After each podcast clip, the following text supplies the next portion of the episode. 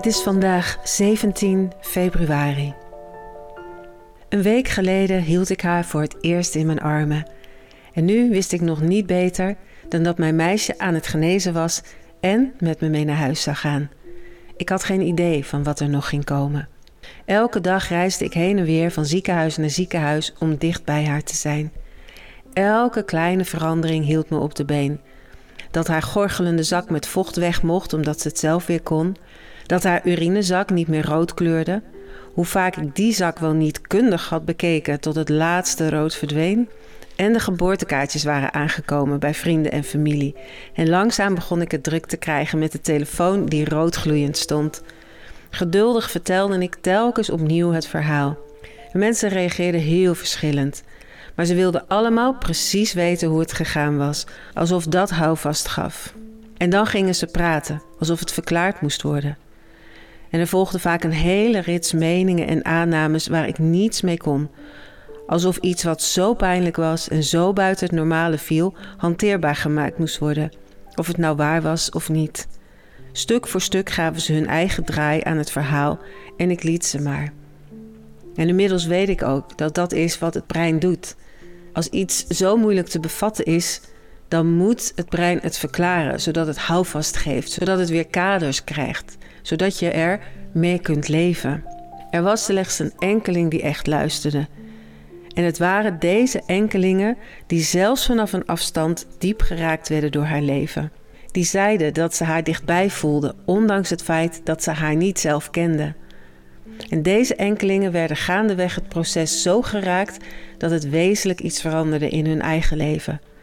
En zij bleven ook betrokken en open in het gesprek. En dat leerde me veel.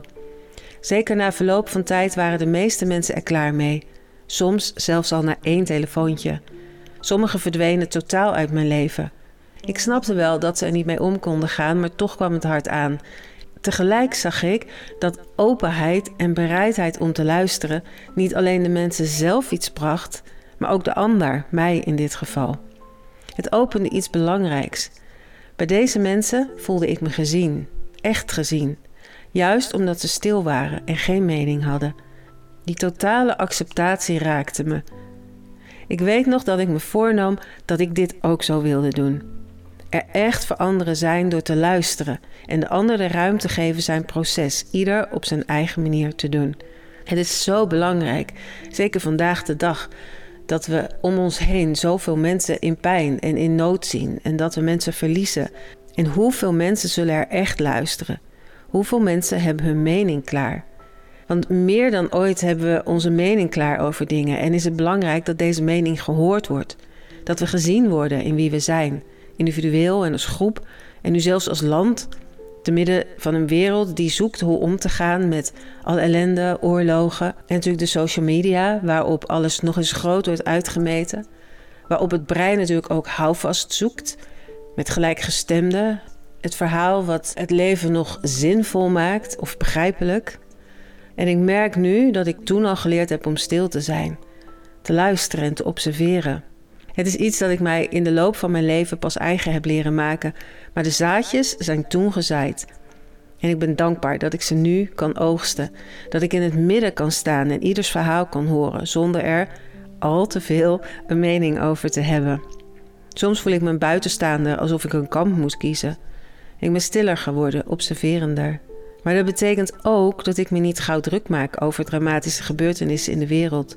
Soms denk ik dan dat ik niet genoeg compassie heb als ik niet op de barricades ga staan of mijn mening profileer. Terwijl in mijn hart de liefde stroomt. Meestal houd ik me dan maar stil. En ik besef nu ik dit zo vertel dat mijn leven met Daisy mij heeft laten zien dat de enkeling die luistert dieper geraakt kan worden. Dat hij de essentie kan voelen al zijn er geen woorden voor vooral iets bij kan dragen voor zichzelf en juist ook voor de ander. En weer loopt mijn hart over van dankbaarheid nu ik besef hoe ik de rest van mijn leven na Daisy verder gereisd ben. Groeiend op de mooie zaadjes die zij haast achterloos zaaide op mijn levenspad. En die in de loop van de tijd opkwamen en mij telkens weer een ander pallet gaven waarmee ik mijn leven kon schilderen. Dat hoe meer ik losliet, hoe opener ik werd dat hoe minder ik een mening had, hoe meer ruimte er kwam voor het leven zelf, voor liefde en zachtheid. En toen ik ziek werd na het ongeval en heel lang moest revalideren en alle gebeurtenissen in mijn leven samen begonnen te vallen tot een intens geheel van wie ik nu ben, besloot ik dat ik dit eindelijk recht voor zijn raap wilde leven. Dwars door alle conventies en wat ik zou moeten doen, mijn eigen hart volgen. Ik realiseerde me dat ik mijn eigen rattenvanger van Hamelen zou moeten zijn, wilde ik mijn hart op mijn eigen pad kunnen leiden.